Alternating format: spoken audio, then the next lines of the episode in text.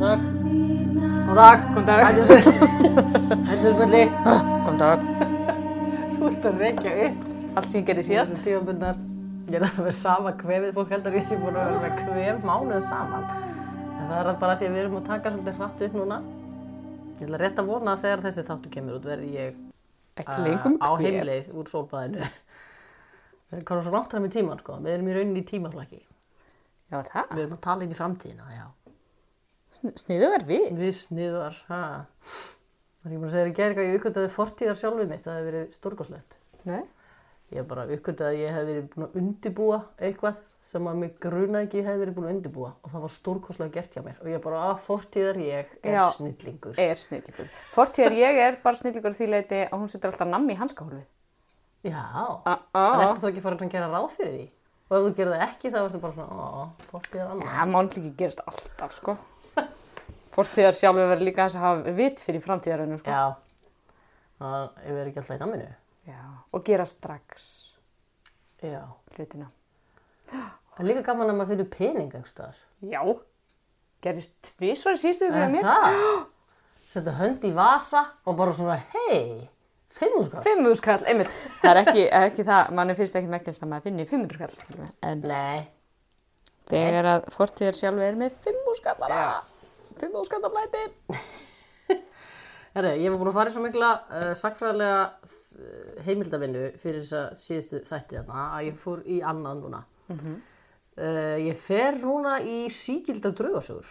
Já, classic. Já, það er þjóðfræði þáttur í dag. Yey. og málið er að, hérna, sko íslenska draugasögur er ekki geggjaðar. Það eru... þegar maður les fullt af draugasögum þá svona einhvern veginn, það vantar einhvern veginn alltaf svona loka punktin. Þú veist, það, það er ekki svona hryllilegar, það er bara svona að segja frá einhverju. Við erum ekki að tala með eitt Hitchcock dæmi, sko. Nei, það er ekkert svona punchline eins og maður segir. Já. Það sem að allir eru bara svona, úúú, fór kæsa húð. Það er svona bara, það er svona einhver frásögn af einhverjum sem að gengur aftur og sagði nokkra sögur hvað hann gerði af sér og síðan hefur ekki spurt til hans meir. Þú veist, það er alltaf eitthvað svona. það, það, það er ekki svona, Þetta er nú færlega leðilega maður. já, svolítið, en þú veist, það eru, hérna, eh, það eru alveg margar draugasögur til sem eru, það eru svolítið svipaðar, en hérna, við erum að tala um íslenska þjóðsögur og æfintýri Jóns Árnasonar. Ok. Þær eru að finna í uh, einhverju fleiri söfnum, Íslenska þjóðsugur Ólaf Staðíssonar sem ég þekki ekki og Sigfúsar Sigfússonar og svo Gríma hinn nýja sem er til líka og svo þjóðsagnabókin eftir Sigur Nordal sem að var eitthvað svona samt líka.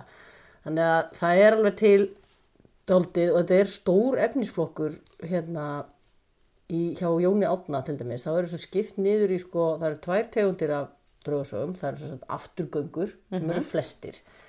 Eh, Það eru menn, konur eða börn og þá fekk ég lagið menn, konur og börn býði dauða í... Já. Með eftir hvernig það? Eða með hverju? Þetta er þetta hjálpum þeim lagið. Já. Menn. Konur og börn. Hver, hver tók þetta? Ekki högst? Já, jú. Allavega, menn, konur og börn býða, þess að ganga aftur Eiga eftir enga dauðan- eiga enga von og ganga annarkvært aftur eh, bara ráfa um á sjálfstæðum eða eru vakin upp af einhverju galdramanni. Ok. og svo eru eh, annar flokkur sem eru fylgjur Manstu sem við tókum einu sinni Já, fyrir já. Manstu sem að hanga aftan í hérna, oftar en ekki sömu ættunum Já. en stundum, þú veist, eru líka uppvakningar fylgjur Ættarækningar. Þannig að- já, ættar eldi hrellar þannig að Ættar, þetta skarast alveg stundum ættar eldi það voru oft og svona fyrir bóðar eigenda sína Einmitt. alltaf bara eitthvað svona, Það var "Ah, alltaf- þessi er komin Var Alltaf þannig að, það var, var alltaf að læti út í dröðurinni, það sem ég álst upp í erunsi. Já, og svo þetta kortur að koma afi, alltaf. nei Mhm.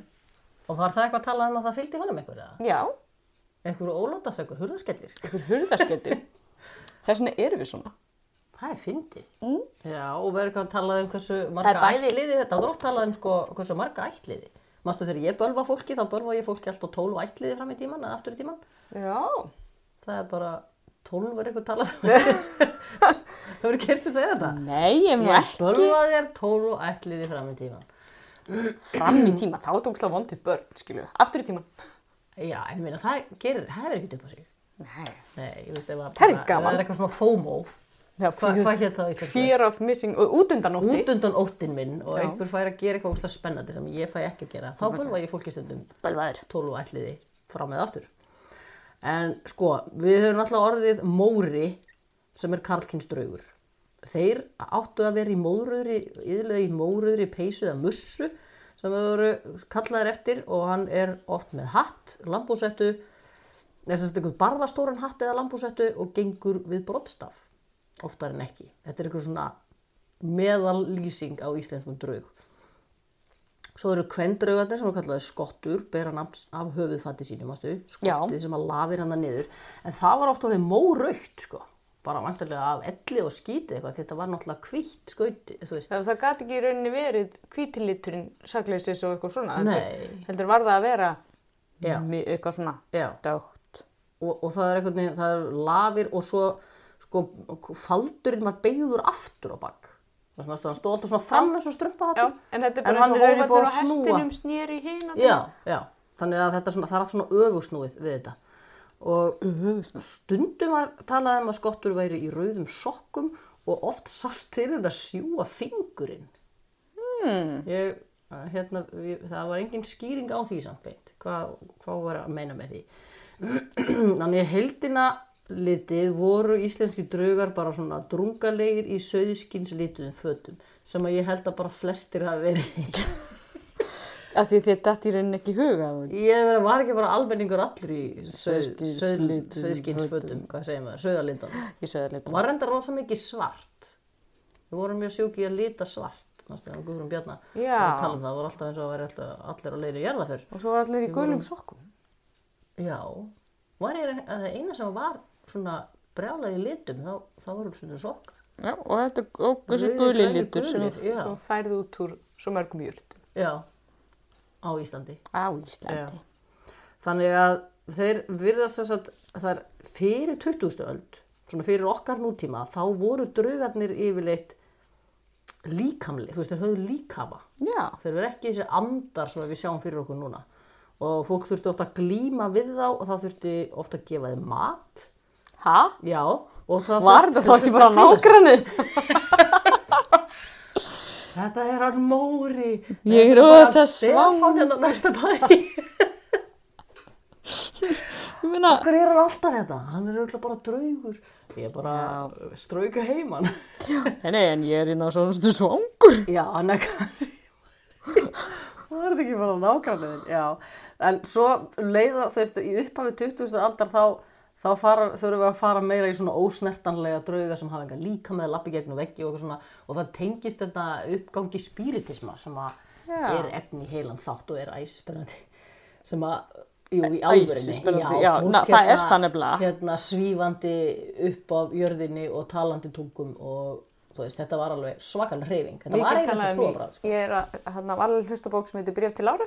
Já. Það er mikið talað um Einmitt. spiritisma. hann Þorbergur var alveg hann var pínu sjúkur í þetta held ég Já, allavega sjúkur við að fjall, fjallum. Fjalla, það, já. já. Svona, kynna sér það. já, einmitt þannig að sko, þjóðsögur er alltaf svona speigill á samfélag sem að saga sprettur úr og þar af leiðandi tekur það breytingum þannig að þegar galdratrú í samfélaginu minkaði þá breyttist sko upprunni þessar drauga skottu og móra og þau fara meira bara, þú veist, þau hætta að vera eitthvað svona illa sendingar sem eru vaktar upp á galdramönnum og fara að breytast í að vera bara eitthvað biturt fólk sem að er óanlagt með hlutskipti sitt í lífinu og vil hefna sín eða eitthvað svona. Þannig að, þú veist, fyrst var þetta alltaf verið að útskýra drauga með því að einhver, einhver galdramæður hefur vakið þau upp Það er eitthvað um sem að kenna. einhverju hefni, já, en svo fóru þeir bara einhvern veginn sjálfur að vakna upp og þetta var oft einhver svona varnaðsögur til að brýna fyrir að fólk fer ekki illa með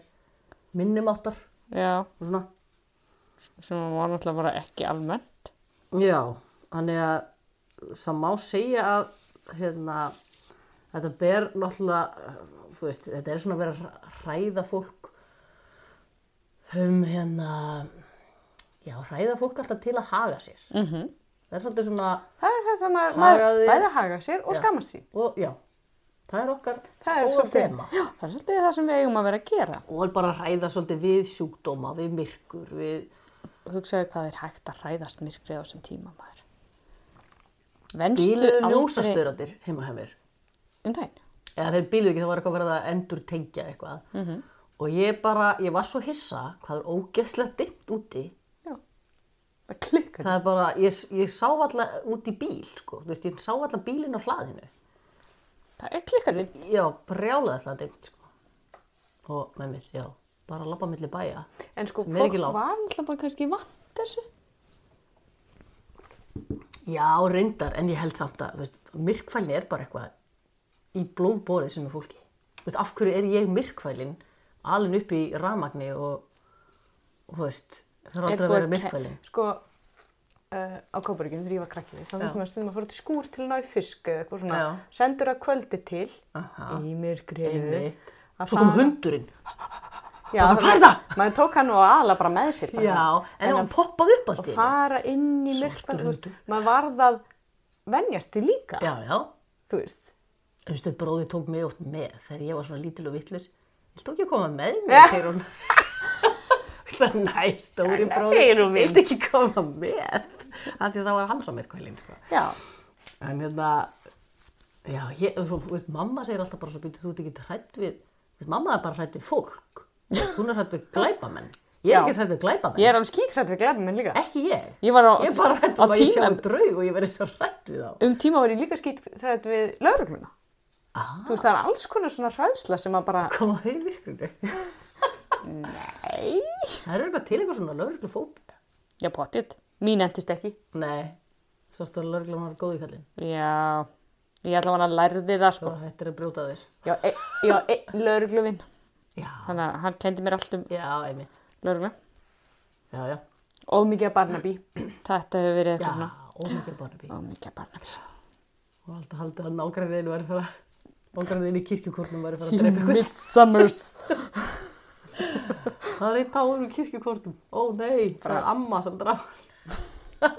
Þemaði líka alltaf sko að konan hans er alltaf að fara í eitthvað og svo deyr alltaf ykkur í kringum hann. Ég held að við þurfum að fara aðeins að aðtöða Já. þetta konun hans.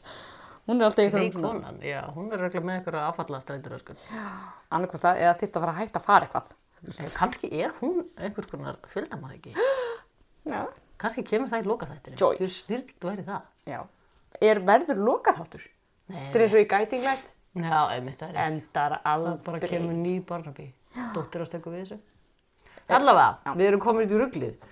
Uh, Það hefur ekki gerst í marga þættir. nei, það er ekki gert margar hefur þættir. haldið Ég er með okkur óvinni svona við stutt, já, ég er, ég er með óvinni stutt handrið núna og það er létt og löðurmannlegt, þetta er allt í lagi. Uh, já, sem sagt, það er a- eitt sem að var líka svolítið verið að kenna fólki virðingu fyrir var, voru líkamsleifar.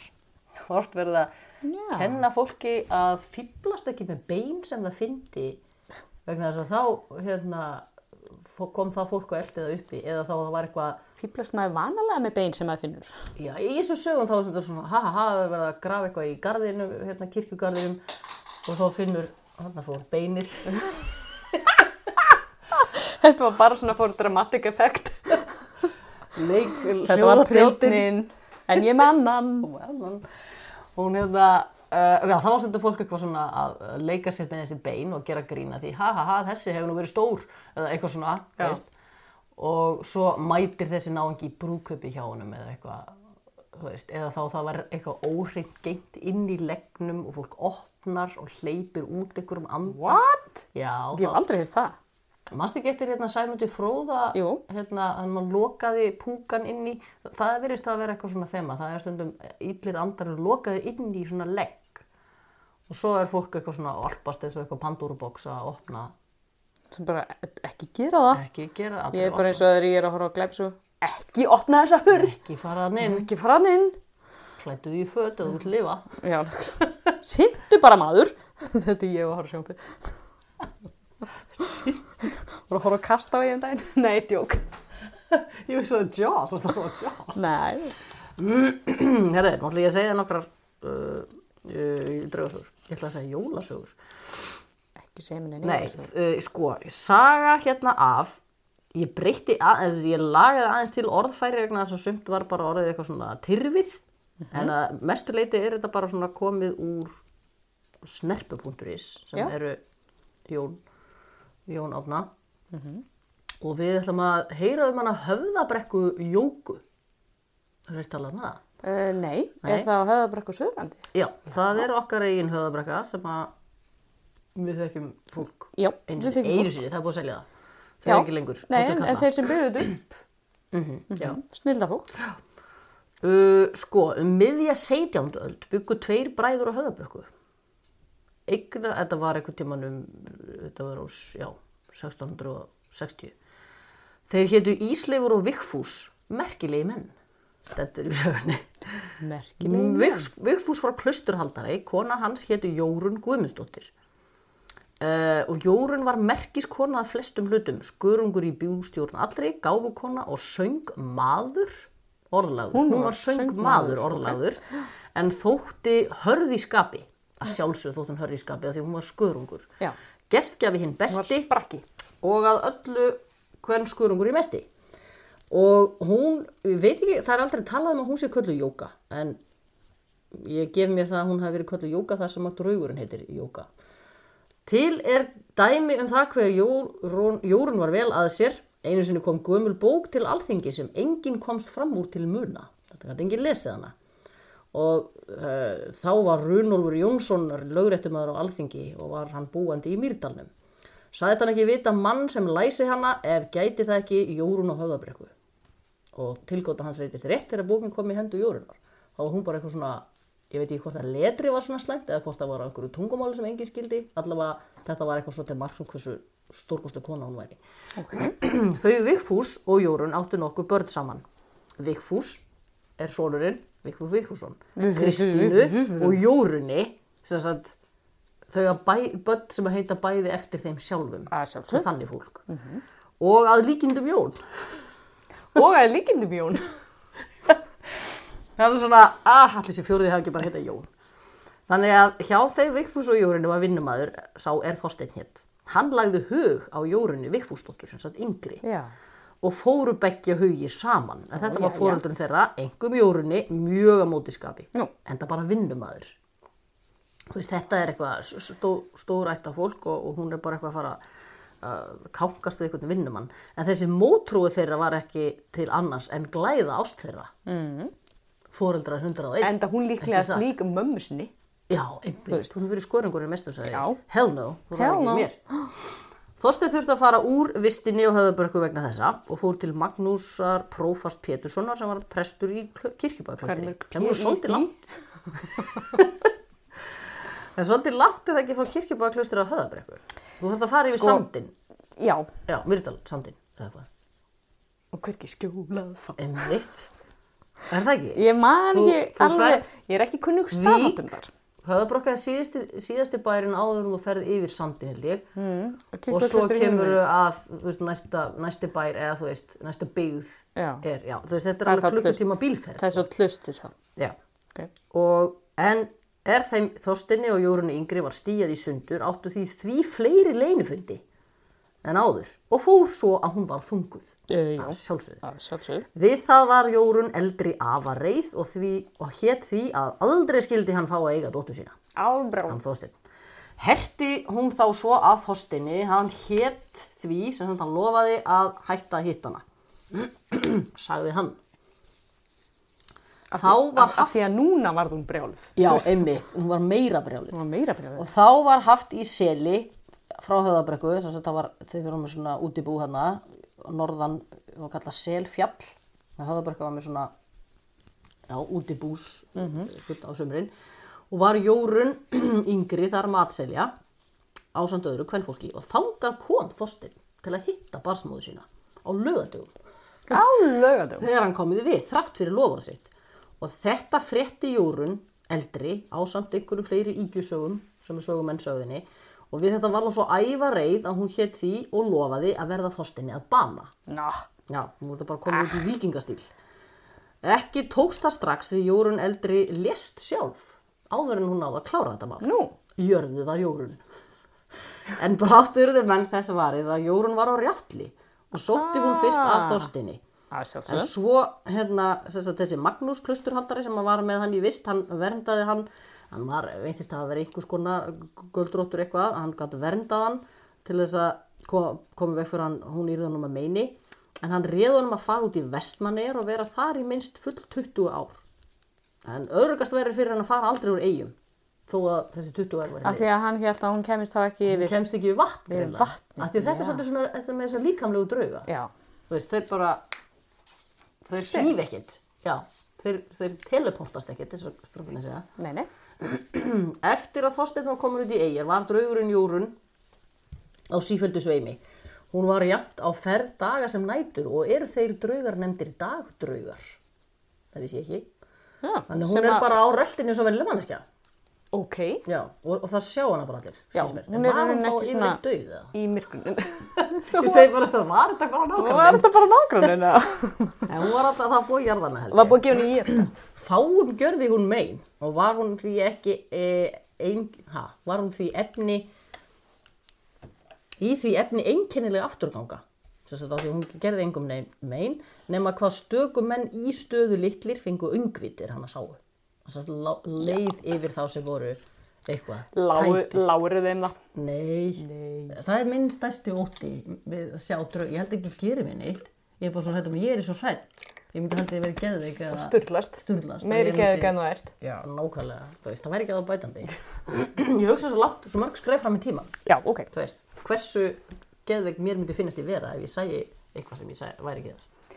Maður verður að Ég hef hugsa um aldrei á sko. æfinni séð nokkuð skapa hlut, það er ekkert að fara að gerast á Nei, þessu, ég er nei. 43 ára, sko. ég hef ekki séð neitt en ég hugsa alltaf sko ég verð Hvað bara myndi ég ákveða, gera? ég verð bara að ákveða að það sé gott Já, Þú veist. ef það væri. ef það væri, Já. ef það er ekki búið að gera mér neitt mein hinga til, það Já. hlýtur að vera bara ágætt Já, þú þarf maður að beita sig skynnseminni. Já, uh, oft gekkur hún síslur á höðabrekku engum búr og eldhúsgögn. Skamtaði hún oft en blandaði mold í matinn svo hann varð óætilegur. Æ, Já, einu sinni kom vinnumæður vikfúsar að henni þar sem hún var að hræra mold saman við skýrið. Segir þá, hvað er þetta að gera, Jóka? Greip hann einn askin og kastaði eftir henni. og svo bara svona eins og hundurinn Já, hvað er þetta að gera? hvað er það að gera? Ó nei, og svo, þú veist, svo er ekkert meira sagt með þetta hún verðist bara að hafa horfið eða eitthvað því að sagan heldur bara áfram Eh, Í fjósum í Mýrdalnum vöktu tvær konur framöftir og höfðu það til skemmtunar að segja sögur og tala um hitt og þetta. Þá segir önnur, hvað all okkur yrði við ef höfðabrekku jóka væri komin? Í sömu svifum kemur jóka inn í fjósið og segir, hvað all okkur yrði við? Eitthvað svona, ha, here's Johnny. já, Þá greip hinn sem þagði kollu sína og skvetti á jórunni. En hún þaut undan, sem sagt, hún þaut út jórun, en hinn konan leiði öngvit. Og þessi, þetta er allt bara eitthvað svona litlar frásagnir af hvernig, já, það er fólk týnir saman svona mismunandi sögur hver hefur séð hvað. Eh, Einu sinni mætti Magnús prófastur á Hörgslandi henni á förnum vegi og segir Jórun, önnur var þá ævin er þú sast fremst í innsta stóli höðabrekku kirkju með skautið og grallarann. Grallari, ég þurfti að gá hvað það er, veistu Já, hvað það er? nei. Það er hérna sálmabók, eitthvað svona lítil ah. sálma hver. En vera nú orðin afturganga. Eitthvað svona. það- við vorum ekki búin að plana Já, þetta Jórun Nei, þá segir Jóka, ó, minnst ekki á það, mangi, of seint er að yðrast eftir dauðan. Og þetta átti að vera- ávist að hafa orðið eitthvað, eitthvað, mál, eitthvað málsháttur. Of seint er er að að yðrast eftir dauðan. Oft slóst hún í ferð með mönnum og er til dæmis sagt að þeir voru all, einu sinni allir á ferð út á Eirabakka, síra Magnús og eina síslumadur og síra Þorsteinn í Holti og riðu með keppni, voru sérst í ykkur svona kapp reyðum. Ok. Þá segir síra Magnús, margur rýður vel en þó rýður Jóka best á flókatrippi sínu.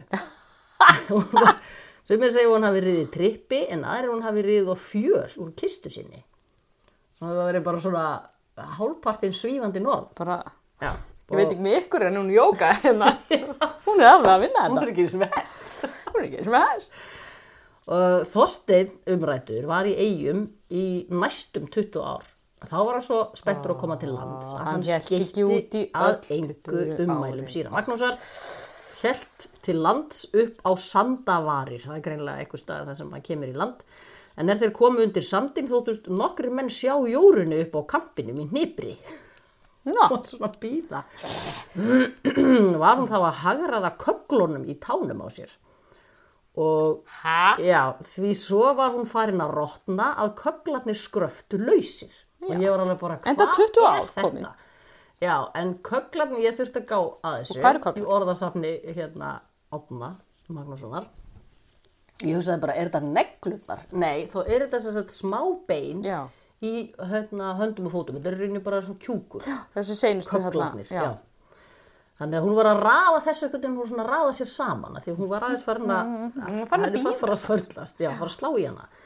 En þeir voru landfastir sáum en jórunni hvar hún flaksaðist að skipinu, þreif Þorstein, kristi hann og kramdi til döðs. Nó, Já, þannig að hún hafði, hafði þetta af. Í þeim sömu svifum kom síra Jó- Magnús Ríðandi, hafði alltaf hjálp, alltaf, alltaf, stendur, að hjálpa Þorstinni.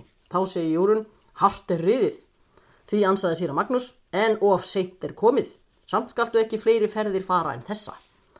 Hóf hann þá upp stefnu, hann hann var eitthvað svona fjölkunnugur, stefnu í ljóðum og stemdi henni norður í grænafjall að keri því sem þar er. Það er einhver svona, einhver skál, eða þú veist, já, einmitt. eh, ég veist, einhver svona náttúruleg Já. laut eða eitthvað.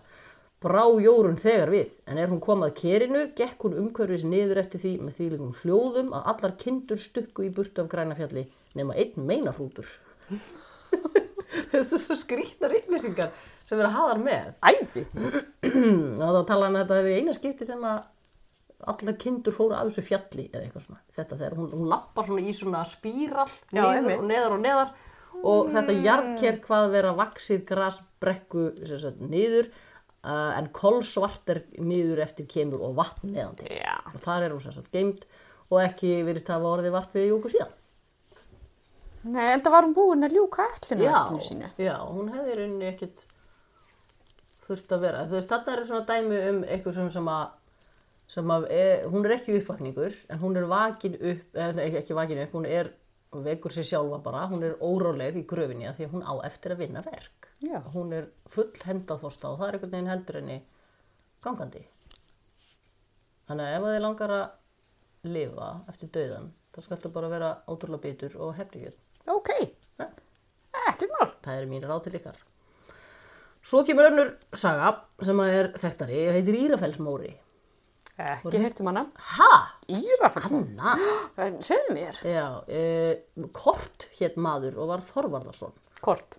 Já, það er svo Þorleifur Kortsson, mástu hérna galdra, þetta er eitthvað kort, þetta er eh, þýstnafneli. Já. Uh, hann var góður bóndi sem bjó lengst á möðruvöldum í Kjós. Kort var tvíkvæntur, hétt fyrir konans Ingibjörg. Hinn konan kemur ekki við sögu þessa og skiptir ekki máli. Ingibjörg var ættuð á norðan. Margir hefðu orðið til að byggja hennar áður en kort, sem sagt baðinnar. Mhm. Og hún sinjaði öllum, mástu alveg eins og konan hann á kvílafalla skottu sögunni. Já. Hún var svona skörungur, er sko fyrir ekki að byðlanir giftast hverjum voru sem er. fullir byturðar, þóttust sátt leiknir. Já, einmitt. Þeim svall þetta svo um hjarta áttu bara að forgang. þeir keiftu af galdramanni nýðra, nýðra að senda kort og konu hans sendingu. Þannig að þeir hugsu ekki skali þetta duga piltur og hérna, ég veit ekki hvað, hvort hann átti að drepa þau eða bara einhvern veginn að gera hann lífi leitt, þessi, þessi sending. Galdramæður þessi sem að var hérna fyrir valinu valdi til þess dreng nokka einn er saga segir að hafa orðið úti milli bæja en galdramæðurinn vakti hann upp volgan. Þess að hann var ekki með öllu Ew. dauður. Já, það átti að vera eitthvað svona kröktur í sending. Volgar. Það var sama held ég með hana hérna Mívas skottu að hún var ekkert, hann var að drekt henni en hún var ekki alveg, þú veist, hún var svona nýdáin eða þú veist, hún var þá volk og hann sendir hérna kort þetta fyrirbæri á maðurvöld og mælti svo um að draugur skildi fylgja þeim hjónum og niðjum þeirra í níunda lið Ekki tólta. Ekki eins Þú ert stórtækur svo og ég. dramatísk. 12 er bara eitthvað svo eitthvað svo konunglega tala 9 er eitthvað uh, og vinna þeim margt til meins já, það var, það var svo fyrirmælin þú skalt fara og vinna þeim margt til meins uh, þeir menn sem hafa séð Móra og þeir eru ekki fáir hafa líst honum svo að hann sé í grári bróka neðan og móraður úrpu fyrir bólfatt með svartan barðastóran hatt á hustum og er skarð eða geil stór inn í barðið upp undan vinstra auga þannig að hann er greinilega alltaf, snýr hattinum alltaf eins og hattinum er alltaf með skarð Það var svolítið óþægilegur. Já, af úlpunni dreigur hann nafn og því er hann Móri kallaður. Ég veit ekki hvort þetta er, sé fyrsti Mórin sem að var kallaður þessu nafni um, af því að það tekið svona fram Það að hann var sé svona kallaður eftir vinsælt því. nafn samt. Já, ummæli galdramannsins þykir hafa ræst helst og vel því þegar Móri kom suður lagðist hann að á möðruvöllum eh, eins og hann átt að gera og gjörði þeim hjónum margar skráveifur með ímsu móti, bæði í fjenaðardrápi og matskemdum. Þeir voru svolítið spenntir fyrir að drepa búfjönað. Já, en það er líka að skemma sem mest fyrir Já, hinu. bara að eyðileggja, það er Eyðileggja, raunin já, það. eyðileggja. En engin dæmi eru til þess að Móri hafi beinlýst drefið menn, ekki fyrir henni síðar. En það, það var svona sjálfgæfara, held ég, að- að, að, að hérna, það sé beint sagt frá því að þessi, en Jóka, hún, hún gerði það. Með því að Móri átti, uh, átti ekki að hafa verið með öllu dauður, þess að hann hafa vakin upp svona volkur, þá þurfti hann, eins og allir slíkir draugar, þetta eru greinlega ykkur draugafræði, þurfti hann mat sinn fullan. Þess að hann þurfti bara að borða eins og mannesk. Fullan ask. Já. mat.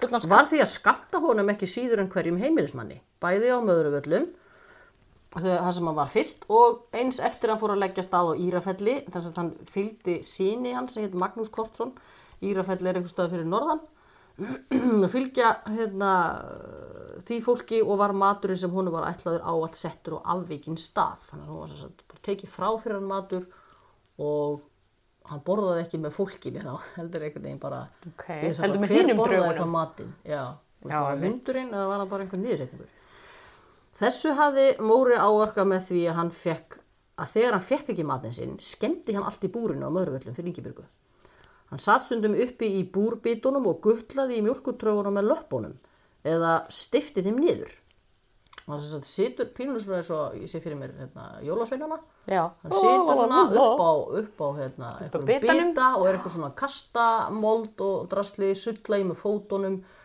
og hella niður trógum og eitthvað svona, þú veist, sem er bara Hugsaðu þér samt að- svakalegu skadi Geta allt sem fyrir úrskeiðs. Já, Kett. Já, Móra um. nákvæmlega, og allt sem fyrir úrskeiðis bara í heitli ættarsögu bara. Já, það bara, hamórin. að mann og eitthvað tæpur að geði það var öruglega hérna skottun að kenna sem að eldir okkur alltaf Já, nákvæmlega. Já, Mm, hann er að það, stifti niður kerjum, sletti skýri bæði á hana sjálfa og upp um alla rafta eða fleiði torfi og grjóti ofin í matinn. Þannig að hún gafst upp á þessu og hún Ingi Börg og tók það til ráðs að skamta honum fullnaðar mat í bæði mál. og við það let hann að mestu af matskemdum. Að mestu. Uh, einhverju sinni bar þó svo við að gleymst hafði skamta móra að s- kvöldi dags. En um morgunin er komið var í búrið sáu menn hvar hann satt og hafði sína löppina niðri í korri skýrtunni en hú, hútti á báðum tunnubörmónum. Þannig að sittur einhvern veginn svona á millið þeirra. Gjörði hann þá bæði að gutla í skýrinu með löppunum og sletta því með krumlunum. Eftir það var varast að gleyma að skamtunum. En það var ekki maturinn eitt sem að móru þurfti, hann þurfti líka kvílast eins og hver annar. Þú veit hann bæli? Þetta er, bæri, þetta er bæði eins og, er þetta ekki bara nákvæmlegin? Er þetta ekki bara steppi á næsta bæ? Þetta er bara eitthvað. Já, uh, hann sem sagt, uh, alltaf það sem að Magnús, þetta- þessi sem hann fór svo að fylgja, sonur Korts, eftir að hann fór að fylgja þessu Magnúsi á Írafell- Írafelli, þá hafi hann þurft að láta standa sem sagt aukt rúmfleti við hliðin á sínrúmi. Já. Alltaf, hvert sem hann fór og heima hjá sér.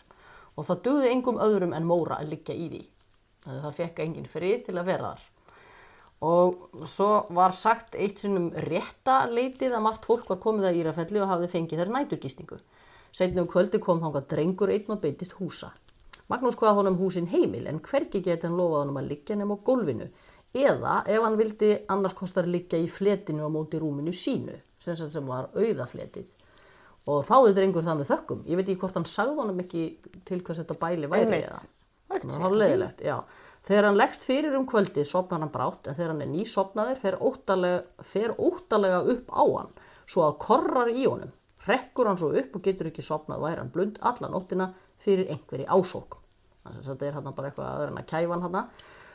Dægin eftir var vond veður svo gestinni komist ekki í burtu og voru svo á Írafelli nóttina eftir. Þannig að það, það var all, allir gestinni voru eða þarna. En um kvöldið tóku drengir nokkur til sem áttu heima á Írafelli og þekktu Móra og hefðu oft verið í skýtkasti við hann. Festu hnífa allt í kringum rúmfletið svo oddarnir stóðu allstaðar upp á stokknum Og þá nóttina svaf drengurinn vært og þökkuðu menn því að Móri hefði ekki vogað að honum fyrir nýfsóttan. Já, Þannig að þetta var svona... því að hann var uh, lí, Af því að hann er eins líkami. og manneskja. Já. Já. Já, Og svo bara líkur þessu sögu þannig. Og það er einhvern veginn ekki talað um hvort að þeir hafi elt, elt þessa fjölskyldu. Ættingja og vini. Já. Að þetta var í alvörunin, þú veist, nákvæmlega mjög algengt að allt sem miður fór Það var hægt. í svona fjölskyldum eða einhverjum- ættum, já, það var skottum. einhvern veginn, það voru bara öll svona eh, óutskjörði Einhverja fylgjur. döðsföll eða slís eða eitthvað að þá, þá var þetta svona maður ætti alltaf að hafa svona eitthvað Æ, bara, bara, þú þetta er svona svo ósynlegi vinurinn hjá Einar Áskil, mannst ekki Já. ég man eitthvað hétt, hann hétt eitthvað oh, hvað hétt hann hann hann að þessi gerði þetta hann var að segja mér að gera þetta Já, hann var að segja mér hérna. þetta. já. já, þetta er ósynlegi Það vinurinn hefur ekki virkað hjá mér mér hingað til en, en aldrei, maður er hjá aldrei að þér vita. eða? Já. hefur þú reyndið þetta? Mm, Já, eins og oft sett heima við mér var gerði þetta, var þetta hérna eh, krakkarnir, voru ekki krakkarnir með þetta pabbi var svolítið í því bara eða það var eitthvað svona, Já. bara, akkur hefði ég átt að vera með hamarinn eitthvað, þú veist, Já. að þvælast já, var ekki, þú veist, þá var þetta bara eitthvað svona hugsanleysi bara eitthvað svona, bara að spurja mig eitthvað já, var ekki krakkarnir með þetta Krakkarnir Bara, gera nei, hvort vorum þeir- ekki með borvélina Já, nákvæmlega. núna mögulega myndi ég vera með borvélina Já. en ekki Þú kannski hefðir þegar ég líka- var tíu ára Nú myndir líka spyrja. já, ég á mína eigin borvél Já, þannig að- einu. Það er ekki að þá borðið. Nei. Herre, svo er síðasta sagan sem að all, ég hefði haldið að allir myndu þekkja. en Ég ætla samt að segja hana. Djáknir frá Myrká. Já, Þú þekkir hana. Já. Alveg fullkomlega. Nei. Nei, ég hef ekki heyrt hana í mörg ár. er það Þú ekki? Veist, en ég, Manst eftir að það var gerð mynd. Já. En, Og við mann þegar Valdimar Flýring var já, held og ég- Guðrún, hérna, Guðrún æ, sem leikur alltaf klikka fólk. Klikkuðu konu. Ásmund. Nei, Nei. Já, Gísladóttir. Gísla, já, hún leikur alltaf. Hún er alltaf góð í að vera svona móðsjúk trillt kona. Já. mjög. Já, hún leik í þessu. er það ekki? Jú, gott ef ekki. Gott ef ekki. Þetta er mjög gamalt og þetta var, þetta var alveg svona tóttu drungaleg mynd sko. En var hann ekki gerð svona í nútímanum? Jú, hann var á móturhjóli. Það var svolítið töf. Við þurfum að gráða upp þessa mynd. Já, var ekki djáknin á móturhjóli. Nú mann ég ekki nefn. Nei, þannig að hljómar eins og ég sé búið þetta til. Allavega, djáknin, ég, ég held hún heiti djáknin á Myrká en hún heitir vist djáknin frá Myrká uppalega. Nú. Myrká er í eigafyrði. Og mér finnst alltaf gaman að hérna, alltaf þegar ég keri þetta fram þá bara svona, oh, bæjisá, oh, myrká, hörgá. En þú ferð aldrei norður, manstu það, því þú ferð aldrei í kaldara loftslag en þú ert nú Jú, ég þegar í. fer stundum norður. Já, já, ég gerði það. Ég fer svona einu svona ári norður okkur. Já, gerir maður það ekki. Ég, Ég fór gerði ekki þetta árið. Ekki einu sinni þó svo öll sólinn væri þar. Ég bara nefndi ekki. Ég bara nefndi ekki neitt. Ég var bara úlingi, úlingavinnunni og þú veist, eitthvað Það svona. er bara við. Það er bara ves að vera eitthvað. En það kemur alltaf árið til þar. Ég, maður veit aldrei. Akureyri Það fyrir ekki getur komið skaftárheldar og engin sól neitt. Kemur að fimm ár. Nei, nei. Uh, í fyrri daga var djákni einn að myrká í eigafyrði. Sko, ég ekki, veit ekki alveg hvað djákni er. Það er ég veit ekki, er það einhver aðstofamaður prest? Þetta er Já, ennþá þetta er til í svona- dag, þetta hugtak. Fólk er ennþá djáknar og ég veit ekki ennþá hvað það er. Það er, ég held að sinni líka sálgæslu á svo mi- miklu leiti og Er þetta prestlegt fólk? eða? uh, Svo fær ekki stöðu. nú ætlum ég bara ekki að segja Einhver Þetta er fólk sem vitringur vil veit ekki þetta. endilega vera prestar, sko. Þú vilt vera djákni, þú lærið til Já, djákna. er það? Já. Já, áhugavert. Allavega, það er ekki getið hvað hann hétt þessi djákni. En það skiptir ekki máli. Hann var í þingum við konu sem Guðrún hétt. Hún átti það sumra sögn heim á bæjisá hínum einn hörgár og var hún þjónustu stúlka prestsins þar. Hún er þessi vinnu stúlka og hann er djákni. Djáknin átti hest gráf högsóttan og reið hon, hann honum jafnan. Þennan hest kallaði hann faxa. hann er svona stengur ár, held ég. Einhverju sinni bar það svo litlu fyrir jól að djáknin fór til bæjisár til að bjóða Guðrúnu til jólagleði að myrká og hétt henni að vitja hennar á ákveðnum tíma og fylgjenni til gleðinar aðfangataskvöldu jóla. Já, sjálfsögðu. Já, Dramatíska þannig. aðfokutaskvöldi. Já, var, þú veist, gerum okkur þetta sé gerast svona 1600, 1700 eitthvað og var jólagleði, jú það var enda stundum á aðfangataskvöld, ykkur svona eftir messu eitthvað. En þessi jólagleði átti sérst að vera á Myrká sem að væntarlega er kirkjustæður. Og hann ætla að koma að sækja hana. Bara ég sæki þig á þessum degi og dagana áður en djáknin fór að bjóða Guðrúna hafði gjört snjóa mikla og ísalög. En þann sama dag sem hann reyti bæjisár kom asa hláka og leysing og þegar á leið daginn, hann er sérst komin yfir ána að bæjisá, talaði við konuna og að meðan hann er þar, þá gerir svona mikla leysingar Já. og varð áin, Áin ófær brýtur sig. já, fyrir jakaferðum og vatnagangi á meðan sem sagt jáknin var hínum einn og þegar hann fór þaðan hugði hann ekki að því sem skipast hafði um daginn og ætlaði að áin myndi enn ísilög sem fyrir hann var sem sagt hafði riðið yfir hana Mm, Já. sem mér finnst þú bara dátti mikið frost í desember ef ég á að vera með leiðinda aðtöðasendir eru þessar ár sem eru, þetta eru svona sæmilegar ár f- frjósa þær bara gegn frjósa Hvenar á þetta hafa gerst? ég, þetta er eitthvað á 17. aldrei Einmitt. Á, á, á vondu á árunum. vondu Það er rétt, árunum. ok, allt var döið og djöfull ok, uh, hann komst sem sagt yfir Yxnadalsá sem er finnst þess að ætti að vera Öxnadalsá Já. en er skrifað Yxnadalsá á brú sem sagt þá, það er Ísbrú og þegar hann kom til Hörgár þá hafði hún rutt sig sem sagt það var engin brú lengur eða þannig Ísbrú til að komast yfir Hann rýður því meðfram henni eins og hann kemur fram á mót við Sörbæ, næsta bæ fyrir utan Myrká. Þar var Ísbrú á áni en þá. Hann rýður yfir þessa brú en þegar hann er komin á hana miðja, brestur hún niður og hann fór í ána. Ö, Morgunin Eh, eftir þegar bóndin á þúfnavöllum reis og rekju sér hann hest með reytíum fyrir neðan túnið og þykist þekkja þar faksa djáknas og myrká. Honum verið byllt við þetta því að hann hafi séð til ferða djáknas ofan ána, daginn áður já. en ekki orðið var við að hann kemur tilbaka og grunaði því brátt hvað vera mundi. Hann gengur því ofan fyrir túnið og, er hann, og var þá sem honum síndist að þar var faksi, allur votur og illa til reyka.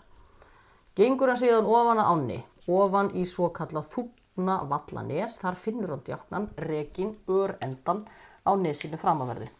Fer bóndi þegar til myrkar og segi tíðindin. Djáknin var mjög skattaður á höfðinu aftanverðu af ísjaka er hann fannst. Svo var hann fluttur heim til myrkar og grafinn í vikunni fyrir jól. Þannig að þetta er alveg svolítið tími sem að hann, þú veist, hann er búin að bjóða henni Já. og segja, þú veist, þannig að það líður alveg, ég veit ekki, tíu dagar, tvær vikur eða eitthvað. Já. Það er ekkert verið lengi Það er ekkert verið að líkir samt, sko. ringja og segja, nei, ég veit að það er ekkert verið að ringja og segja, herðu, ég ætla að sækja þérna klukkan, þú veist, eitthvað. Nei, nei. Þannig að hérna, það er satt búið að grafa hann og það veit engin neitt hinum megin. Já, hún er, Við ána. hún er bara að fara Já. að býða. Frá því að Jakni fóð frá bæjisá og til þess að áfangardaginn hafði engin fregn farið millir myrkar og bæjisár um þessa atbyrði neina En- Mm, enda áin sögum að leysinga brjóta og vatnagangs. sig, já. Já. En á aðfangadaginn var veður stiltara og hafði runnið úr ánni um nóttina svo að Guðrún hugði gott til jólagleðinar á myrká. En hún er bara að punta sig, hlakka til, að gæðin koma að sækja hana. Þegar leið á daginn fór hún að búa sig og þegar hún var vel og vega komin með það heyrði hún að það var barið. Fór þá önnur kona sem hjá henni var til dýra en sá engan úti en það var korki bjart úti né myrkt því tungl óð í skýjum og dró ímist frá eða fyrir. Þetta er mikilvægt. Hm. Mi- Mikilvæg veðurlýsing. Þegar stúlka þessi kom aftur inn, hvaðst hún hafi ekki hafa séð neitt, þá segi Ga- Guðrún, til mín mun leikurinn gjörður og skal ég að vísu útganga. Hún sagði bara, ok, þetta er, þetta er eitthvað. þetta Bara til ég er að mín. býja til fari. Já, þetta er til mín. Var hún þá albúin nema hún átt eftir að fara í hempuna. Já. Tók hún þá til hempunar og fór í aðra ermina en fleiði hinni erminni fram yfir öxlina og hjælt svo í hana. Þegar hún kom út sá hún faxa standa fyrir dyrum og mann hjá er hún ætlaði að væri djáknin, eðlilega. Ekki er þess getið að þau hafa átt orðræðu saman, sem að mér finnst áhugavert. Hann kemur á sækjana, uh, hefur ekki hitt hana í ykkur tíma, þau segja ekki neitt. Já, það er allavega ekki talað um það að hann, henni hafi fundist hann eitthvað skrítina því að hann talaði eitthvað skringilega eða hvort þau hafi yfirleitt talað saman. Hann tók Guðrúnu og setti á bak og settist síðan sjálfur á bak fyrir framan hana. Þú veist, það er líka eitthvað pínu skrítið. Akkur settist hann fyrir framan hana? Og ég fór strax að sjá fyrir mér, þú setur manneski á bak. Hvernig komst hann á bak sjálfur fyrir framan? Því að þú sveiflar þér á bak með fótinn yfir. Það er mjög spes. Er það ekki? Hún er alveg komin út á rassinu hestin. Já, eða Til að það koma að þér. hún beigði sig þegar hann sveiflaði fó- fætinum. What? Já, þetta eru hlutir sem ég sé fyrir mér hérna og spyr óþægilega spurninga. Hvað um það? Riðu þau þá svo um hríð og töluðust ekki við. Nú komu þau til hörgár og voru að henni skarir háar. Sessat, það er svona, þú veist, þau eru að pompa þarna niður til að geta farið yfir ána, en það er hægt að vaða hana núna. Og þegar hesturinn steiftist fram á skurinni, liftist upp hattur og djákna þessa aftaverðu og sá Guðrún þá í höfuðkúpuna bera. Í þeirri svipan rak skíin frá tunglinu, þá mælti hann, mánin líður, gattu þetta? Eh, Uh, nei, Dauðin rýður, sérðu ekki hvítan blekk í, blekk í nakka mínum. Ah. Mm. Garún, garún. Mástu að því hann gæti ekki sagt Guðrún. Já. Það mátt ekki segja guð að hann dáina. Já, ok. þannig er reglunar. Já. Greinlega. En henni var byllt við og þagði. En hún Ekki heldur bara hissa. áfram. Já. Aðri segja að Guðrún hafi lyft uppi haft, upp haftið hans, hafti, Hefti berri. haftið hans Guð, hörði. aftan og séði hvíta kúpuna og hafi hún þá átt að segja sé ég það sem er. Eða ekki er. Mér finnst það ekki eins góð saga. Ekki er sagt af samræðum þeirra fleirum nýja ferðum fyrir en þau koma heim að myrká og fóru þau þar að baki fyrir framann sáluhliðið, segir hann þá við Guðrúnu. Sko, væntalega er eitthvað partí í gangi hérna, ekki? Já, Þau eru komin að myrká það sem að fólk er inni, en þau eru þarna fyrir, kvöld. já, þau eru þarna við sáluhliðið. Jóla er inn í dag. Einmitt. Og þá segir hann, býttu hérna garum, garum, meðan ég flyt hann faxa, faxa upp fyrir garða, garða. Hann er, svona, hann er með bergmál. Já. Hann er kannski á einhverju rói. Halló, halló, halló. Að því mæltu fór hann með hestin en henni var litið inn í kirkjugarðin. Sá hún þar opna gröf og þá var hún hrætt. Já. Ekki þegar hún sá í hauskúpun á honum, heldur þegar hún sá opna gröf. Er það rosalega skrítið að sjá opna gröf í kirkjugarðin? En var hún þá að leiðin í gröfuna? Já, það ætlaði hann að er það taka sem hana hún með sér? heldur. Og hún var svo hrætt að hún grýpur í klukkustrengin sem að mér skilsti þetta við einhvern tímann í einhverju sögum, einhverju útskýringu á að sem sagt, það hafi verið klukka í sálnarhliðinu. Já, já. Og Hún grýpur í þann klukkustreng og í því, sem sagt um leið og hún tekur í hann, er gripið aftan í hana og þá var það henni að happi, hún hafði ekki fengið tíma til að fara henni með aðra hempuðurmina. Því svo sterklega var til þrifið að hempan gekk í sundur um axlasaumin á þeirri erminni er hún var komin í. Og maður þetta er svona fínu hérna. Já. Reif, hempur Já, hérna, höttur. rosalega möttur.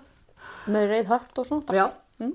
og það er það sem hún sá síðast til ferða djákna sem að hann stiftist með hempurifrildi þarna ofan í gröfina opnu sópaðist moldin frá hliðunum ofan í sem sagt, Bara- yfir á. hún lokaðist Bara bara eins og í sjálf sér. hryllingsmynd. Já. Já, sæll. En það er frá Guðrún að segja, hún ringdi í sífellu.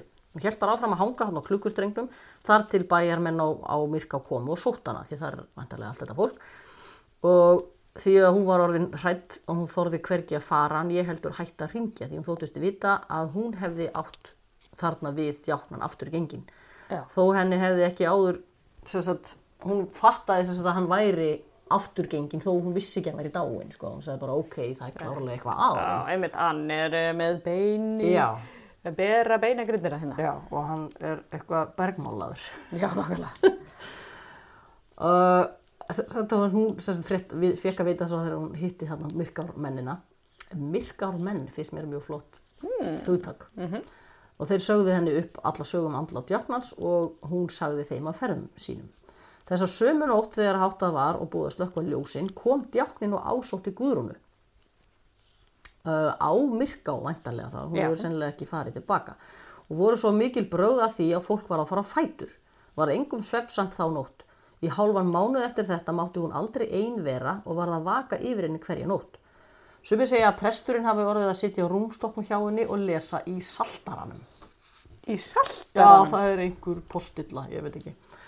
Nú var fenginn galdramaður vestur í Skagafyrði. Þegar hann kom, let hann grafa upp stein eitt mikinn fyrir ofan tún og velta heim að skálastafni.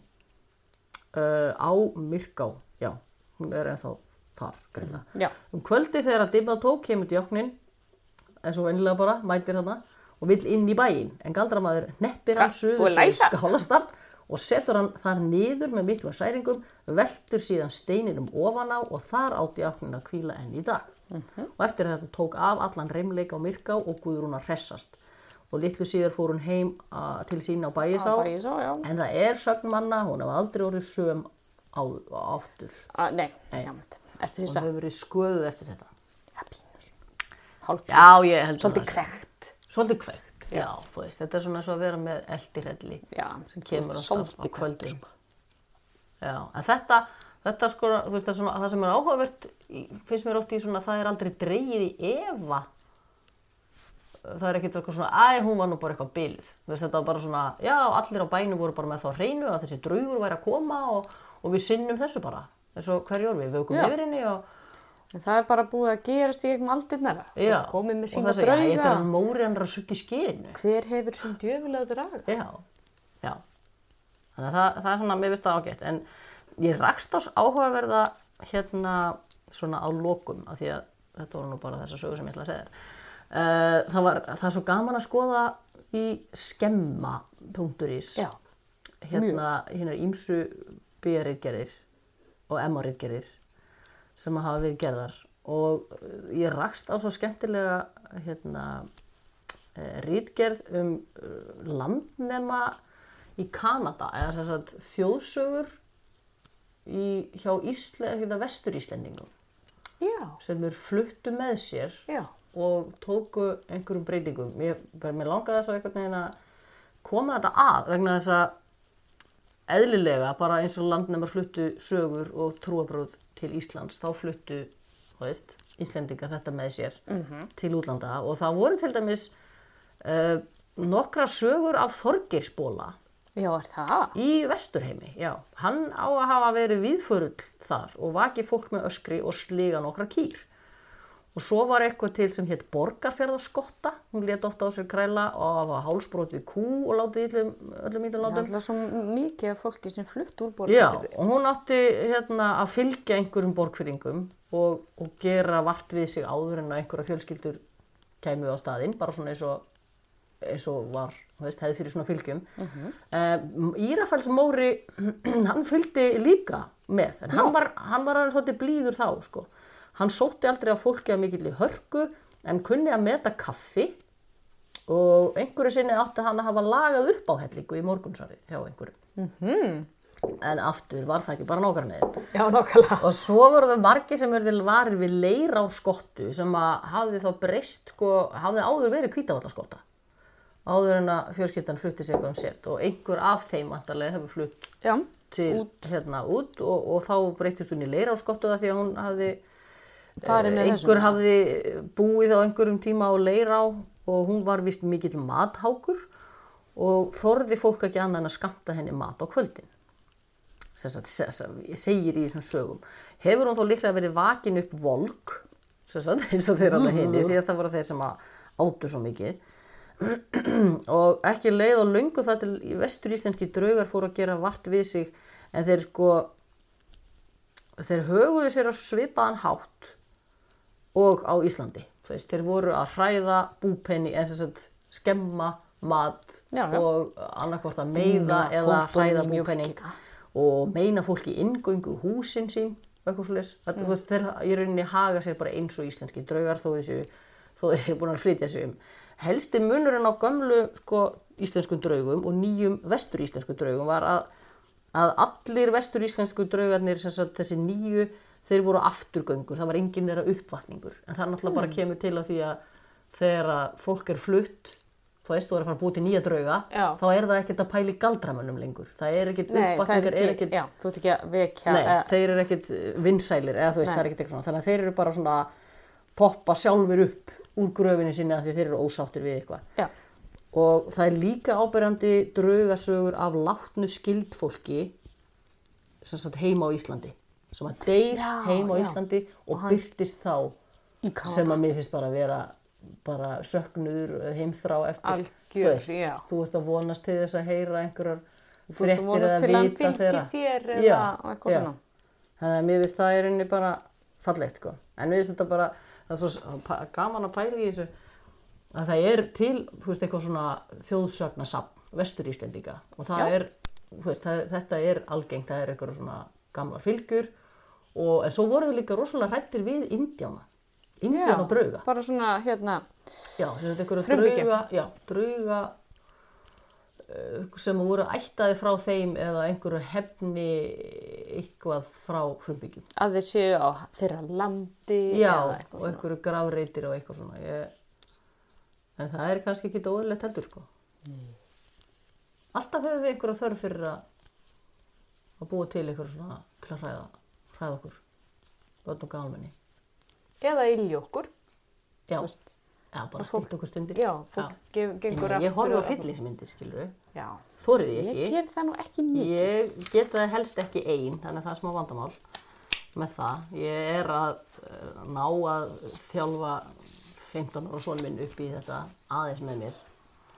En hérna, já, en ég, Ég get er þetta ekki. ekki, er, er það ekki. Nei. Ég hef hætt að horfa á myndir sem ég bara get ekki. Ég, ég get ekki barna drauga Nei, alveg em- erfitt með. Og ef það eru börn, Já, spilinu, þá Annabelle- er ég bara- Annabelle, eh, þú veist, myndirna hef ég ekki geta hósta á. Mm. Já, dúkkur og börn. dúkur og börn, sem eru alveg rosalega, hor, rosalt horror ták. Já, af því að þetta- þau eru svo lítil og þetta er svo óeðlilegt. Það er svo, ó- það er svo óeðlilegt að börn séu ill, sko. Já. En það segja það, sko, uh, andafræði, af því nú hef ég hlustað svona, það er til skemmtilegt podcast sem heitir Draugasögur podcast, Mhm. íslenskt, hérna, þau eru svona draugabanar. Já. Fara stundum á eitthvað svona rannsaka og eitthvað. Og, hérna, og það, þau segja mjög oft og ég hef heyrt þetta víðar í svona yfirnáttúrulegum pælingum að því ég, ég held alveg, þetta er svo sem er geimverunar, ég held bara, þú veist, ég held að draugar sem til bara svo geimverur, þú veist, það er alls konar vittir til, við, Já, já. bara, við sjáum það ekki. Og, hérna, og það er oft talað um sko að þú átt aldrei að trista batna draug, vegna þess að batn mun ekki ganga aftur, það er eitthvað annað sem tekur sér form, Bólfestu barns til þess í að blekja fólk. Barni, já. Já. Þannig að hérna, aldrei trista batna Ok, ég, ég er að reyna að munna það. trist mundu það. Þannig að ef einhver er bara Já. eitthvað svona barnið þitt fyrir að segja eins og í öllum hryllismyndum Já, það er hann Salli hérna, ósýnilega vinkona mín, hún er rosalega reið þegar ég geri þetta. Það bara, nei, það er ekki gott. Nei. Bara Step away from the djöfulegt child. afl en ekki Salli. Double child, double child. Æja, herði, ég náðu næst í klukkutíma saman. Gekja. Gekja. Herði, ég bara takka fyrir í dag og vona að ég hafi átt ótrúlega góðan tíma í sólinni. þegar þetta kemur út. Já. Þá er ég búin með hann sokk. Haldið sé að lenna upp, já, þú verður búin með hann sokk, búin að reykja hann upp tvisar regla, aftur og, og gera hann aftur upp. Já.